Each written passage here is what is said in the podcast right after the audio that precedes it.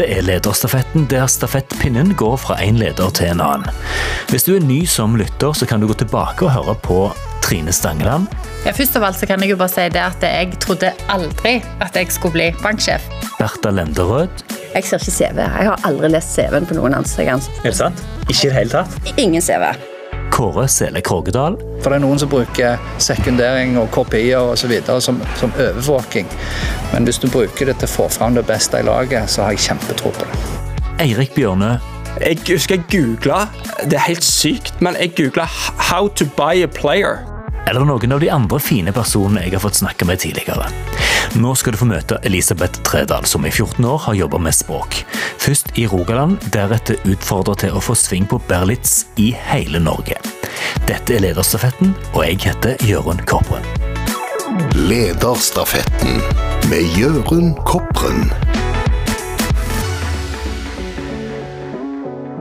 Elisabeth, du er eh, kunstner, du er forfatter, og så er du landsleder for Berlis i Norge. Berlitz. Berlitz. Ja. Det må være riktig. Ja. Dette er jo et gammelt firma, så det, Ja. har hatt 140 år på oss å finne ut hvordan det 144, stemmer det? Fortell litt hva, hva slags firma dette er. Ja, altså Berlitz er mm, et firma som driver med eh, først og fremst språkundervisning. Det er over hele verden. Vi har 550 senter i 70 land. Eh, og et godt gammelt firma, 144 år. Eh, og, og um, ja, språk er jo, driver med litt sånn kulturforståelse òg, som òg er veldig relevant i, i næringslivet. Men, men språk eh, og språkkurs er liksom hovedgreien. Det har vi vært ledende i mange år. Um, så det som Berlitz i Norge gjør, er å levere språkkurs da, til næringslivet. Eh, og dette gjør vi eh, både på den tradisjonelle, altså sånn klasseromsundervisning. Eh, og så er, det jo, er vi ganske store på online, altså levende undervisning med en ekte lærer, men, men at du sitter foran PC-en din, og så sitter læreren foran sin. Så vi leverer 40 språk på denne måten. Alle nivåer, og, og for veldig mange av språkene så er det hele døgnet vi leverer dette. Og det er ikke bare her, dette er jo Dette verdensomspennende. er i 70 land, ja. Mm. Hvordan er det å være landsleder i, i det firmaet? Jo, altså Det ene har jo jeg ikke vært sånn fryktelig mange år. Jeg, ble ansatt i Berlitz for 15 år siden. Så jeg ble jo ansatt for å bygge opp Stavanger-regionen først. Um, og så ble jeg ansatt, eh, eller ble spurt om å ta over for Norge i, i 2019. Um, og det er, det er utfordrende, um, og jeg var veldig i tvil om jeg skulle ta, si ja.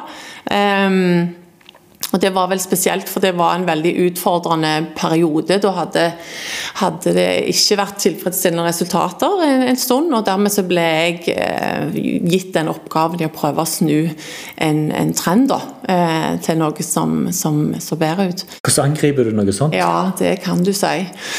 Eh, Som sagt så var jeg veldig i tvil om jeg skulle si ja, for jeg forsto jo at dette er en massiv oppgave. Er flere før meg som ikke hadde fått det til. Eh, Og, um, men så var det litt sånn du nevner det med boka. eh, Jeg har jo gjort en, en liten sånn opprydning i meg sjøl, vil jeg si. Der jeg bl.a. har blitt mindre redd for å å gjøre feil. Så jeg kaster meg nok mye mer ut i ting nå, det, det siste, etter, etter det jeg skrev boka, enn jeg gjorde før.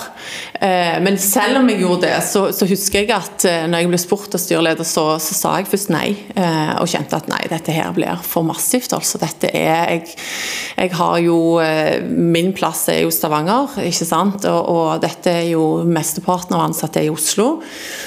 Eh, og så kjente jeg det var, det var veldig mye eh, på en gang. Men, men Var det kravet om å få snu dette til pluss, eller var det liksom mengden oppgave som du så var utfordrende? Eh, Ja, jeg vil si begge deler, egentlig. Altså det, det, det er klart at eh, det, det, trengs Det er ganske heftige prosesser, det som jeg måtte inn i. Jeg var veldig klar over at det var endringsledelse, og, og det, det hasta litt. ikke sant? Så jeg visste at jeg måtte rett inn i, i Norge. Men jeg merket med en gang jeg, jeg fikk forespørselen, så selv om jeg sa nei, så begynte hjernen min å, å jobbe med, med, hvordan jeg skulle få dette til. Eh, og, og da, da, kjente jeg etter en stund at eh, nei, dette her bare Jeg bare hopper i det. Og, og, så, så det, det, var heftig, det var det. Og jeg, jeg angra litt midt inni, tror jeg. men, men det er jo sånn Med store oppgaver så, så blir det jo òg eh, veldig tilfredsstillende når du, når du drar det i land og, og, får noe til sammen med team, da. Ikke sant? Eh, så, så det er mm, Ja, nei, det, det, det, det skal litt til, men, men, det gikk greit. Kan du dele noe om hva, hvordan du angriper den sånn utfordring at du skal snu ting økonomisk? Ja, altså Jeg hadde jo hatt, eh, jobb, hatt jobben, så jeg kjente jo eh, firmaet ganske godt. Jeg visste jo hva vi drev på med. Jeg hadde jo allerede mine egne tanker om hva, hva vei vi burde gå. For, for Berlitz er jo et, et stort og, og eh, gammelt firma, ikke sant. Eh, og vi har mye vi er gode på, men jeg så veldig tydelig òg hva vi ikke var så gode på. Så det var jo liksom det jeg tok tak i da. Eh, rett og slett bare gjorde om på, på hvordan vi, vi drev, og, og, og kutta kostnader. Og, og, ja, bare gjorde ting som jeg, for meg ikke var så veldig veldig vanskelig å se. Men det var vanskelig å gjennomføre, ikke sant? fordi folk er vant med at ting er sånn som det alltid har vært. Og, eh, og, Det er jo det som er en av utfordringene med det å være leder, at du må på en måte gjøre en del uh, upopulære, altså litt sånn kjipe ting. Eh, og, du må ha en, en visjon, og du må ha tro på at dette kommer til å løse situasjonen til det bedre. Og dermed så, så, um, så må du stå i det på en måte, uansett om det blir ubehagelig. Du må gjøre det som er riktig og det som du tror på selv om Og så må du òg skape um, altså entusiasme og, og, og um, altså vise veien, på en måte. altså Det som du har tro på. og, og, vise at det kommer til å bli veldig mye bedre. Så ja. Hvordan ble det mottatt da, når du kom med strategien din? Eh, litt delt. Eh, ikke bare, bare applaus. Eh, men, men jeg, egentlig, altså egentlig så er jo folk òg Det er jo ikke noe kjekk plass å være i når ting ikke fungerer helt sånn som det skal. Sånn at jeg følte de fleste var veldig, veldig med på at vi skulle ta en ny retning, og, og, og var med og dro lasset. Og, og, vi klarte det jo sammen. Jeg hadde jo aldri, aldri klart det uten, uten teamet, liksom. Hvordan var det når du kjente at dette her får vi faktisk til? Det var veldig, veldig ok. det var Nei, det er jo det som, som, er Det er jo ikke noe som er bedre enn når det har vært veldig, veldig tøft. Eh, og, og du lykkes sammen med et team, da. Det er utrolig Og det er jo noe av det kjekkeste med å, å ha en sånn rolle, at, at eh, det gir veldig mersmak, da. Hvordan, kan du si noe om hvordan du behandler si, teamet ditt og folket rundt deg? Hvordan tar du vare på dem?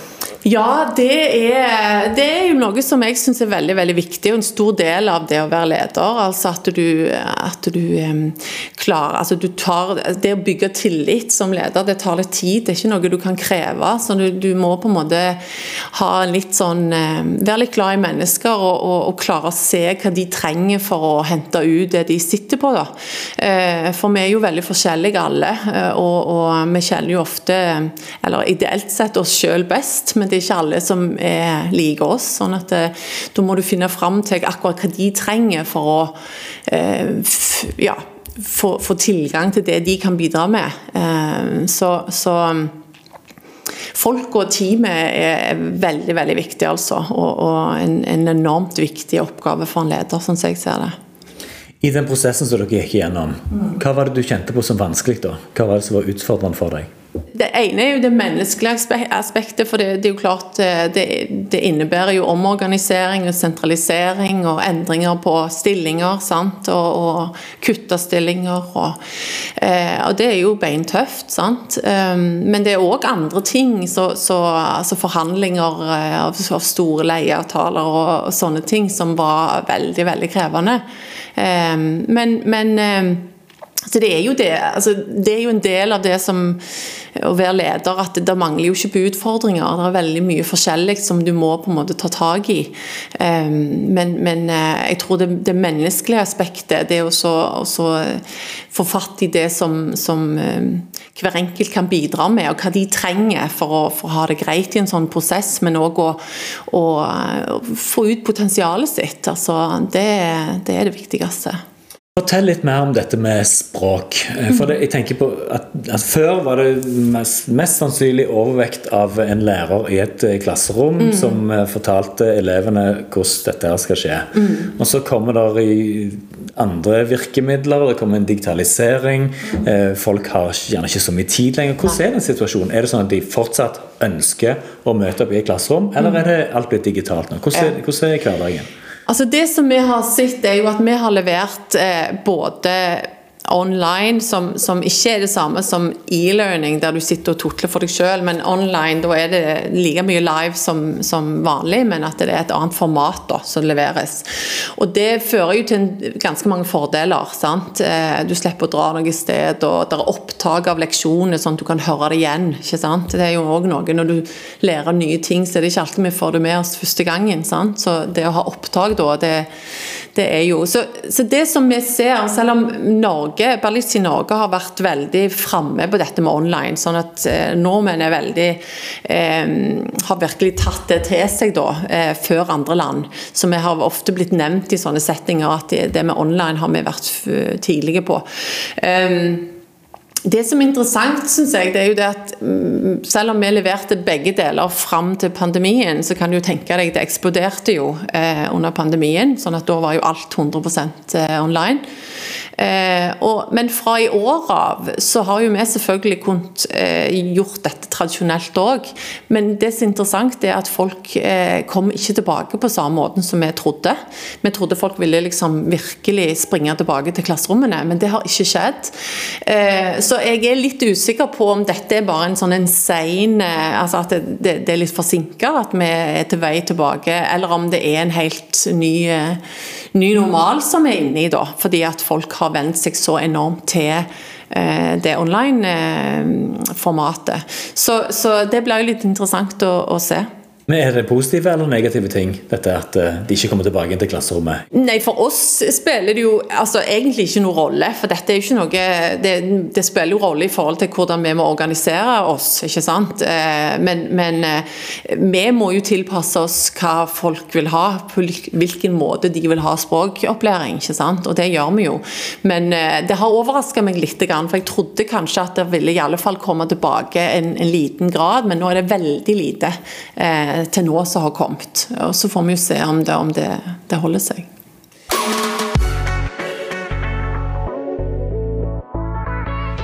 Man driver med, med online møteplasser på et vis. da. Mm -hmm. Og leder en litt sånn desentralisert bedrift med folk overalt, og gjerne ikke akkurat der som du sitter. Mm. Er det sånn at da dere er ekstra gode på dette med digitale relasjoner?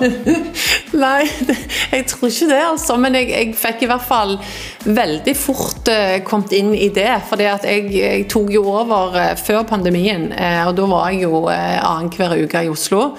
Eh, og så plutselig så, så uh, satt jeg jo der i, i to år i Stavanger og, og leda fra Stavanger. Så, så, der måtte vi jo bare bli skikkelig gode på, på uh, online veldig fort. Og jeg syns det har gått veldig greit. og jeg tror nok vi var kanskje litt mer rusta, for vi hadde jo levert dette altså språk online i, i mange, mange år. men det er jo, det er jo fascinerende hvordan hvordan den perioden da endra på hvordan vi jobbet. ikke sant? De sier det, Forskning viser jo nå at, at pandemien har gjort at, at, folk flest er mer vant med at ting går galt. For det, det, skjedde så mye greier. Ting gikk i vasken i løpet av de årene. Eh, men samtidig så er folk blitt mer eh, bestemte på å få det sånn som de vil. Så, så, det er jo en artig kombo som vi, vi, alle må leve med. Når du ser denne Teams-kulturen, da. Det, mm. På, på, på, huset her, eller der som jeg jobber, der, er det, der kan det, av en eller annen grunn så sitter noen i ett rom, og noen sitter i rommet ved sida av. Ja. Så har de Teams-møte. Ja. Eh, Hvordan opplever du dette? Ja, Nei, jeg, jeg, jeg føler nok at det, det er et veldig bra verktøy. Eh, Og for oss som driver med, med språkundervisning, så er det jo ikke tvil om at eh, sant, du kan jo ha et, eh, en gruppeundervisning på seks personer. De kan jo sitte på seks plasser i Norge eller seks plasser i verden for alt. eh, sant? Eh, Så lenge det er internett, så kan de være i samme gruppe og få lik undervisning. Og Det er jo klart en fordel. sant? Men, men jeg tror at det, det vil aldri erstatte totalt. Det er noe, noe med å, å treffes og, og se, være i samme rom òg. Så, så jeg tror at eh, online er nok absolutt kom for å bli, og vi må bare bli gode på det. eh, Og så, eh, men, men det kommer aldri til å ta over helt. Det, det tenker jeg eh, er viktig å ha, ha noe igjen. Dere holder på med dette her i 144 år, og vi har vært igjennom ganske heftige omstillinger nå nettopp. eh, Både som for firmaet og for i samfunnet, som vi har snakket om. Hvordan ser du på utviklingen videre? Hva, liksom, hva er det neste en gjør? Ja, eh, ja det, det, det er spennende. Eh, fordi at det er jo noe som eh, altså det er jo Én ting er jo Norge, men så er det jo òg eh, veldig mange andre land. sant? Eh, og det, det har vært en veldig tøff periode. Og jeg tror at det, det er jo egentlig en stor, sånn en, et stort eksperiment vi har vært igjennom. Og vi vet jo egentlig ikke hvor dette lander. Eh, og jeg tror at eh, Altså Folk flest òg. Vi er jo en spesiell tid på mer, mer måter enn én eh, i forhold til økte kostnader og, og hvordan folk har det. Så eh, jeg tror at, eh, at eh, dette med dette med i, i tøffe tider så, så tror jeg fokuset på å investere seg selv er veldig viktig og, og veldig riktig. Eh, og, og det er litt med det der at du kan du, du, du, kan gjøre, du kan gjøre noe med, med deg.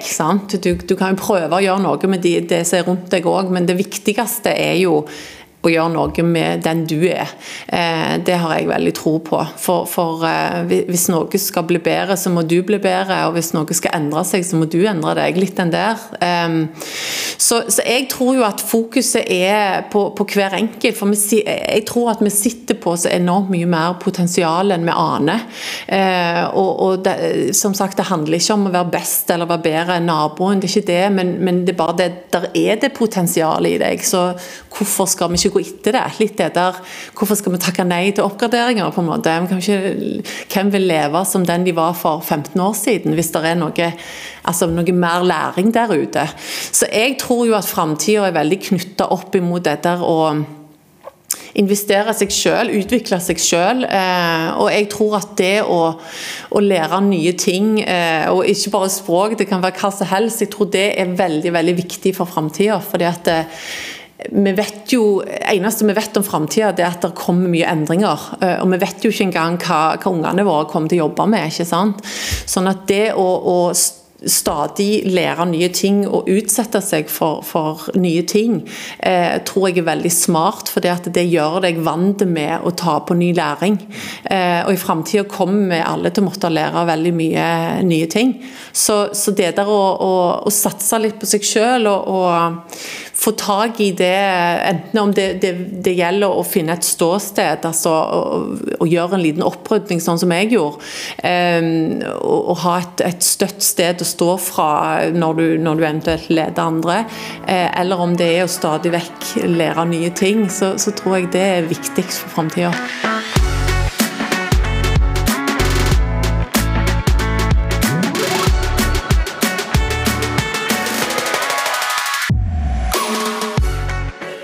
Det at du skrev boka di, det gjorde deg i stand til på en måte å mm. ta den stillingen. Mm. Fortell litt mer om hvordan det, hvordan det hang sammen. Ja, altså Jeg tror at jeg fram til det punktet når jeg skrev boka, så tror jeg jeg hadde jeg var nok ganske avhengig av at jeg hadde suksess på et vis. Altså, Kanskje vi skal se litt hva slags bok dette er først? For ja. Det er ikke kokebok. Nei. Og det er jo heller ikke noen strikkebok. Nei. Fortell litt hva slags bok du har, du har, skrevet. Ja, Det er vel egentlig en bok som handler om litt sånn selvutvikling. Det å ta tak i sitt eget liv, og, og hvordan du, du sjøl kan rydde opp i litt sånn Det som du ikke behøver å bruke så mye energi på.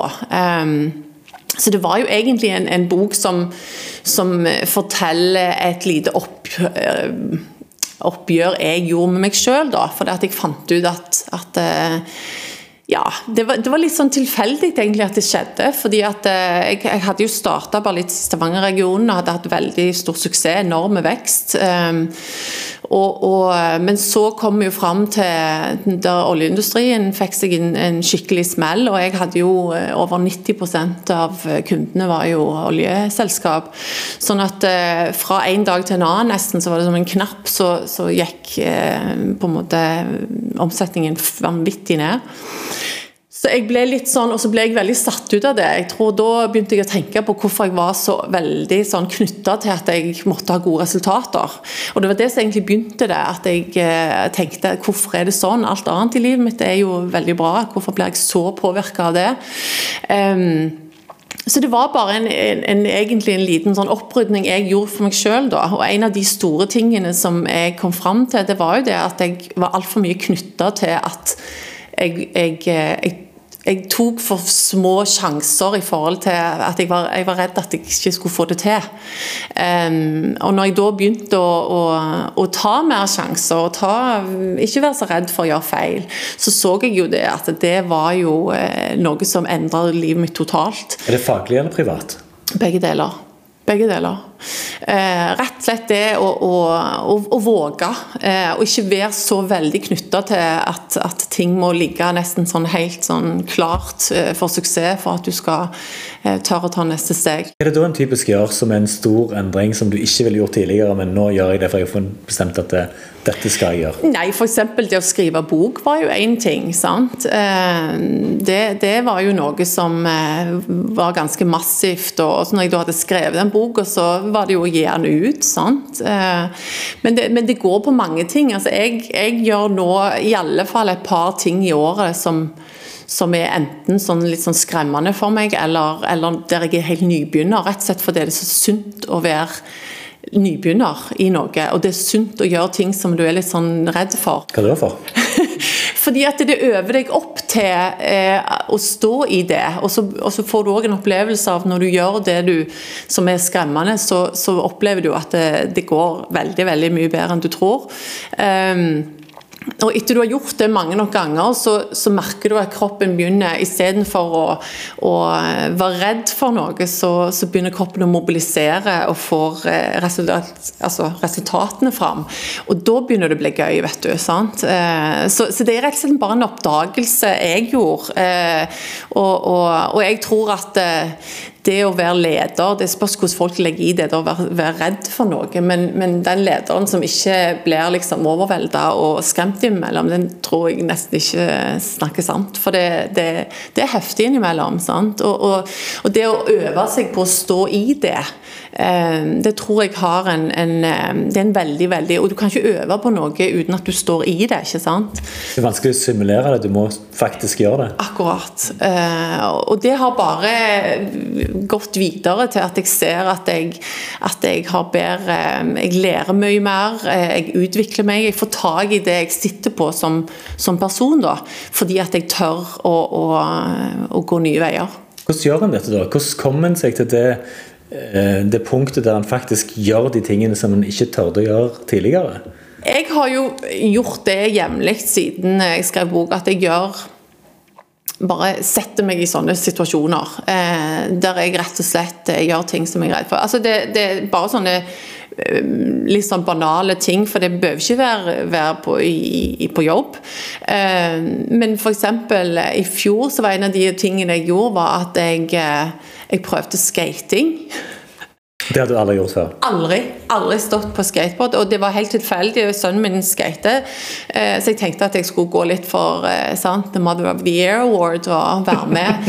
så jeg, eh, jeg tok og, og bookte en sånn privattime med en Elias, jeg tror han var 19 år i fjor, eller rundt der. En av de beste i Norge. Han, han driver en sånn skate... Jeg husker ikke hva det heter, om det er Stavanger skateklubb. Anyway, vi var på privattime der, og det var sånn jeg tenkte. Og jeg angra sånn, for jeg var livredd. Du har sett i den videoen når, når, voksne mennesker går på skateboard for første gang. Det er altså så eh, skremmende. Eh, og jeg tenkte at ok, jeg skal bare komme meg gjennom denne timen og overleve uten eh, skader, for jeg kan ikke være skada.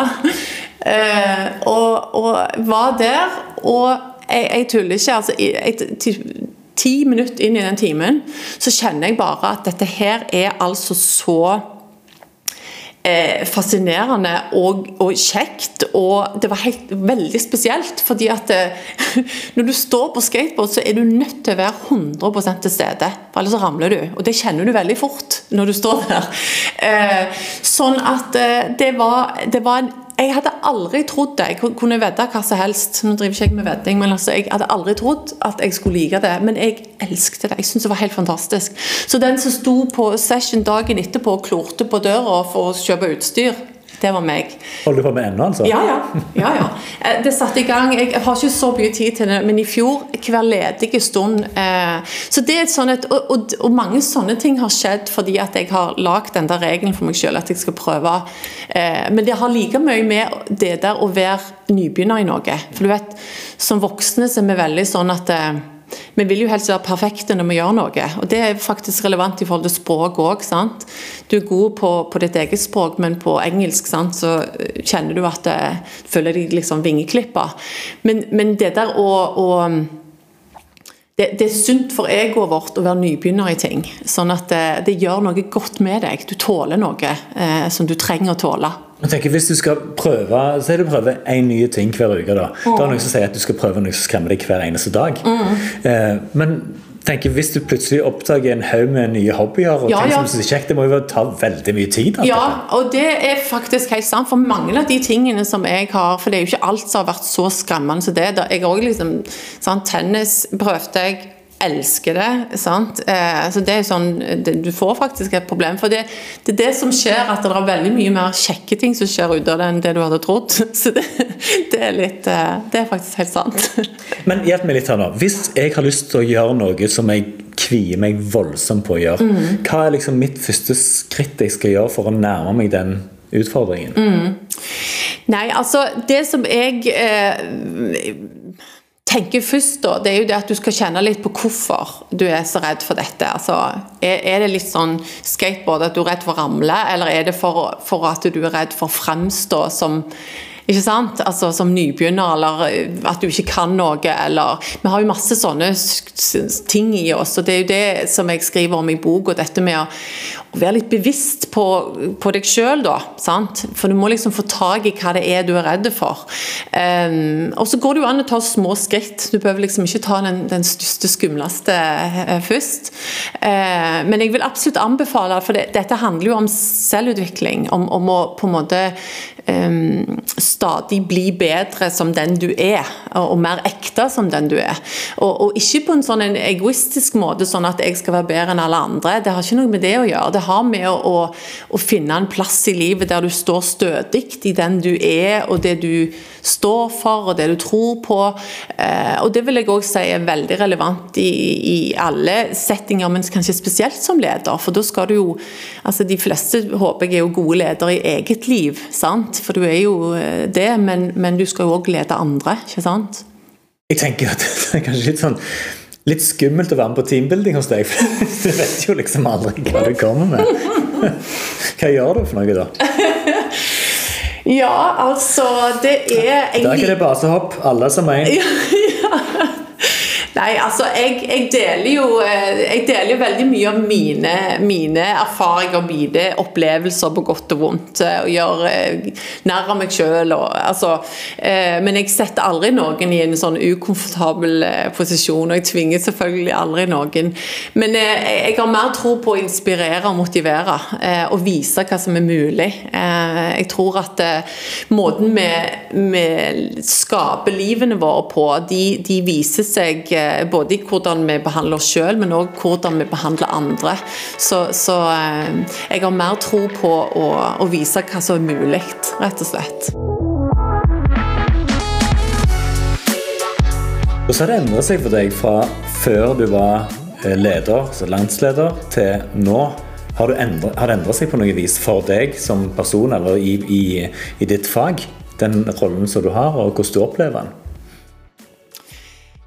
Ja, altså det, det, det er vel sånn at eh, Jeg kjenner jo litt på at eh, Jeg hadde jo en ganske sånn en eh, eh, bratt læringskurve, vil jeg si. Eh, tar over for Norge og går rett inn i ganske heftig eh, endringsledelse. Og, og når Jeg fikk vel halvannet år på å snu trenden, og det klarte jeg på fem måneder. Så jeg var jo veldig veldig stolt av det. Men så smalt jo pandemien, så det var jo en ny utfordring som kom. Um, men, men det, når du da ser tilbake på det, så, så, er det jo enormt givende å ha kommet gjennom det. Selv om sånn som jeg sa at eh, jeg, jeg angrer vel på at jeg tok rollen et par ganger, husker jeg. Men, uh, men du blir òg litt sånn avhengig av den der uh, læringskurven. Sånn at jeg kjenner at uh, jeg er jo på en måte Jeg, jeg liker det akkurat det aspektet med jobben. sånn at jeg er, ikke, jeg er, ikke, sånn at jeg ville nå gått tilbake til jobber jeg hadde hatt før der det ikke var det. Altså Jeg blir litt mer krevende i forhold til at jeg ser hva jeg kan få til, og hva andre kan få til på et team, og at jeg dermed vil videre mye mer. Så det er egentlig en positiv ting. da. Hva var det som gjorde at du angret? Det var bare at det ble veldig veldig heftig, syns jeg. Eh, at det ble Og så er det jo sånn, du har jo som leder òg sånn noen små tvil innimellom. Altså, kommer dette her til å gå? Ikke sant? Altså, får jeg til? Dette er en massiv eh, snuoperasjon. Og, eh, men, men eh, det var, det var, ikke noen sånn voldsomme, men jeg, husker, men det har jeg hatt mange ganger i min, min, karriere. Jeg husker når jeg eh, skulle bygge opp fra starten av, altså 15 år siden her, eh, fra, fra, scratch. Eh, og var på opplæring i forskjellige land, og jeg bare husker jeg kom hjem til han samboeren min som jeg hadde da, eh, og sa bare nei, dette, her, oh, jeg, dette er altfor mye. Det, jeg klarer ikke men så var det litt som det er, noe i meg som, som har lyst til å, å, få det til, altså. Og så tenker jeg sånn at ja, ja, altså, jeg bare går for det, og så ser jeg. Det er litt sånn det, at veien blir litt til mens du går. sant? Eh, jeg pleier Når jeg har, har ansatte som har store prosjekter på gang, så pleier jeg å bruke sånn bilde med um, liksom banalt bilde med puslespill. sant? At uh, Akkurat per nå så vet vi ikke helt hva det der puslespillbildet blir, men vi må bare begynne en plass. Vi må liksom legge brikkene ut, vi må snu de, sant? Vi må kanskje legge de i sånne Eh, og, så, så, må vi ta én brikke om gangen. For, for prosjekt er jo ofte eh, svære greier. Og, og, det kan være veldig overveldende, spesielt på de som ikke har, har vært borti så mye som før. Eh, men det er løye med det. Hvis du, hvis du finner en, en et ståsted eller mot til å, å ta én ting om gangen. Eh, og jobbe sammen og, og, og, eh, styrke de som er rundt deg, så, så er det løye hva du kan få til. altså. Fortell om noe som absolutt ikke gikk sånn som du hadde tenkt. Ja, jeg kan fortelle om eh, når eh, når jeg skulle ut altså når jeg var midt oppi dette med, med endringene som var spesielt i Oslo, så var det en, en forferdelig dyr leieavtale som jeg ville ut av. Og, og, der hadde jeg egentlig ingen rettigheter, fordi at det var en låst avtale på flere år. Um, og, og, men det som var saken, var at uh, vi, vi, hadde veldig god grunn til å klage, for vi ble veldig dårlig behandla, eller de i Oslo hadde blitt veldig dårlig behandla. Og da gikk jeg inn med all min styrke, på en måte. Ganske sånn uh, fly forbanna i den situasjonen. Ikke mye erfaring med forhandlinger uh, på, det, på, det, viset, men jeg, jeg, jeg, følte at vi hadde blitt så dårlig behandla at jeg hadde grunn til å ja, rasla litt med sablene. Eh, men det førte jo bare til total nedstenging av dialogen. sant? Altså Jeg bare gikk inn som en sånn elefant og bare, bare krevde min rett, trodde jeg. Og jeg tenkte liksom at eh, og så så jeg jo det at vet du hva, det, det var jo skikkelig dårlig. Eh, altså Jeg bare angra skikkelig på det. Og så fikk jeg um, en god kollega som òg har vært en, en mentor for meg. Ehm, så kom, fikk jeg hun inn på banen, og så ba jeg henne om For det er jo sånn, Hvis du ikke klarer det selv, så må du få noen gode folk som er gode på det du er dårlig på. Og det så jeg jo fort at det var jeg dårlig på. Og hun da eh, klarte å snu det, åpne en dialog eh, og forhandle fram eh, en kjempebra avtale. Og, og, det lærte jeg altså så vanvittig mye av. Eh, men det er et godt eksempel på der jeg eh, tråkka skikkelig i salaten.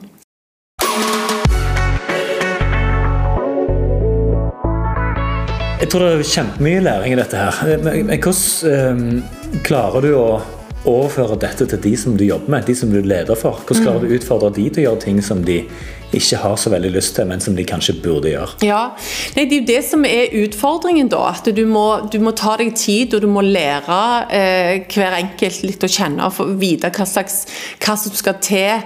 Hva de trenger for å, å, å bli eh, Få tak i sitt potensial. Eh, og det er veldig individuelt. sant? Noen trenger litt støtte og hjelp. Noen trenger bare litt i starten, sant? Eh, der noe er veldig overveldende. Mens noen trenger det mer eh, i, i mindre doser. ikke sant? Så, så det, det kan være veldig mye forskjellig. Så jeg tror det er den der eh, eh, en, en, at at du er glad i mennesker og, liker å finne ut av hva, hva du kan gjøre for å støtte dem, hva, hva du kan gjøre for å hjelpe dem. Men så handler det jo òg om å være en rollemodell. sant? Altså Ethvert firma, lederen har jo ganske stor innvirkning på på hvordan det firmaet er, som regel. Og, og som leder så har du jo et ansvar å skape entusiasme og, og, og eh, energi og positivitet. Og, jeg liker jo Altså, jeg er nok veldig meg sjøl. Jeg blir liksom bare mer og mer og det har jo med at du, du liksom er ikke så redd for å vise alle sider av deg sjøl. Så jeg er ganske flink til å vise når jeg har drevet meg ut. Jeg, jeg, altså, jeg forteller historier der, de, der jeg viser at jeg gjør feil, da. Ikke sant? Fordi at eh, Bevisst, eller fordi du ikke bryr deg? begge deler. Eh, Jeg gjør det òg bevisst, ja. Absolutt. Altså, det, det er jo det der å Altså, du må, du må vise at det, det er greit, fordi det, det, det er jo du, Vi kommer oss ikke videre hvis vi ikke tør. altså Den eneste feil vi kan gjøre, det er ikke prøve. ikke sant? For Hvis du prøver noe og du lykkes, er jo det topp. Og hvis du prøver og feiler, så ja vel, så gikk ikke det, men vi lærte jo noe da antageligvis. sant? Så den eneste gang du virkelig er ute og kjører, det er hvis du ikke våger å prøve. fordi at da, da visste du ikke om du eh, ikke sant, kunne, kunne truffet jackpot. Men du er kunstner òg, og det var det før du skrev boka di. Ja. Så du hadde det travelt allerede før du skrev boka di. Fortell Ja. litt hva, det, hvorfor du gjør det. Og hva du gjør, ikke minst. Ja, altså det er jo noe som jeg alltid har syntes har vært kjekt. Og jeg trodde vel sånn tidlig at, eh, at eh, det skulle være min eh, yrkeskarriere i en eller annen fasong. Men, eh, men det ble det ikke, da. Sånn at det, det er jo òg noe som, som bare eh, jeg, jeg husker faktisk at Apropos det å være redd, jeg husker jeg var livredd for å begynne å male på disse store lerretene, for de var jo svindyre. sant? Så jeg var jo bare sånn Å, herremann, jeg kommer til å ødelegge hele lerretet. Så jeg lagde sånn regel for meg sjøl, og dette er jo eh, 100 år siden, føles det som. Men jeg lagde en regel at ok, Lisbeth, du skal få ødelegge et lerret. Det er helt greit, det. Bare mal på det, og så ødelegger du det. Og det gjorde jeg jo aldri, for det, når jeg bare slappet av da, så var det jo greit. Men altså, det, det er Altså, jeg har alltid likt eh, og, og malt og tegnet, og, men det har jo alltid bare vært en hobby. Men jeg har jo hatt noen utstillinger som har vært veldig, veldig gøy. Eh, og jeg gjør det jo ennå, men, men eh, jeg har jo mindre tid da, eh, til å gjøre det nå enn enn før. I hvor stor grad handler det om å utlevere seg sjøl? Dette med å male et bilde, vise det fram til folk og si 'dette har jeg gjort' i en utstilling. Ja, det er jo virkelig Altså, du er jo eh, du, du, du viser jo på en måte en litt sånn sårbarhet, sårbarhet i det, da, ikke sant? At dette har jeg skapt. eh, Hva syns dere, liksom? sant? Og du må jo ta både det som er positivt og det som er negativt. ikke sant? Eh, Så, så det er nok Det var nok kanskje Det er litt interessant at du sier det, for jeg har ikke tenkt på det sånn, men det var nok kanskje en liten sånn begynnelse jeg hadde, det med den med kunsten, som, som bare mm, ja, går over i nye ting. Jeg gjør det samme, bare at jeg utforsker litt det som, som fascinerer meg, og så ser jeg hva, hva, hva det fører til, på en måte.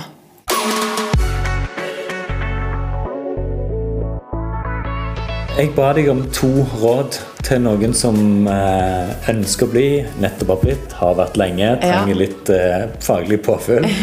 Noen råd. Hva vil det være? Jeg vil si at det første rådet eh, vil være at eh, så tidlig som mulig å ta den der lille runden med seg sjøl i forhold til å gjøre ting som du er redd for. Eh, og våge altså finne ut av hva som skal til for at du, du, du tør det mer og mer. Kan godt ta det stegvis, men, men, det er liksom den ene tingen jeg tenker på at jeg kunne ønske at jeg hadde gjort. Det lever jeg veldig liten i, lite i fortida, men, men, hvis jeg skulle valgt, så jeg, kunne jeg ønske at jeg gjorde det med den boka tidligere. For jeg bare ser hvor utrolig mye kjekkere og, og kulere livet har vært etter jeg tørde, tørde det. Eh, så jeg tror det hadde vært det ene. Det å være litt bevisst i livet sitt eh, du, hva valg du gjør. Våge litt mer. Eh, for, for, det går veldig mye bedre enn du tror, som regel. Den andre tingen vil jeg si at eh, at ta, ta tak i den du er. Ikke, ikke, prøv å være noen andre enn den du er. Fordi at jeg tror det er veldig det er veldig omvei å prøve å gjøre noe som andre gjør. Eh, å prøve å etterligne noe som andre gjør. Du må finne ut din kombinasjon av, av læring og, og evner og, og, historikk, holdt på å si. Eh, og, og, og finn ut Ta det som utgangspunkt for det du vil gjøre. Du Elisabeth, Fortell om noe du er kjempefornøyd med, som du har gjort på jobb. Noe som jeg er kjempefornøyd med? Um ja, jeg vil si at eh, noen ting som, som jeg eh, i en liten rolle har vært å bidra til at andre har lykkes, det er vel det som jeg eh, er veldig fornøyd med. Når jeg har sett at jeg kan eh, tre tilbake og ikke være delaktig når det er nødvendig, men når det, når det må til, så, så, er jeg der litt for å hjelpe ting fram.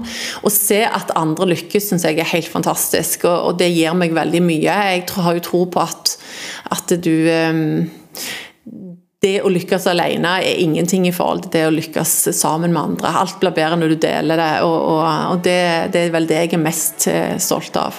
Og Hvis noen lurer på hvordan en gjør det, så er det bare å invitere dem med på en skatingtime. Ja, absolutt. Veldig bra. Takk for praten. Bare hyggelig. Elisabeth gjør nok en ting som er ute av komfortsonen, og utfordrer Leif Johan Sevland, ONS-president og mangeårig ordfører, til neste gang. Vi høres. Lederstafetten med Jørund Kopren.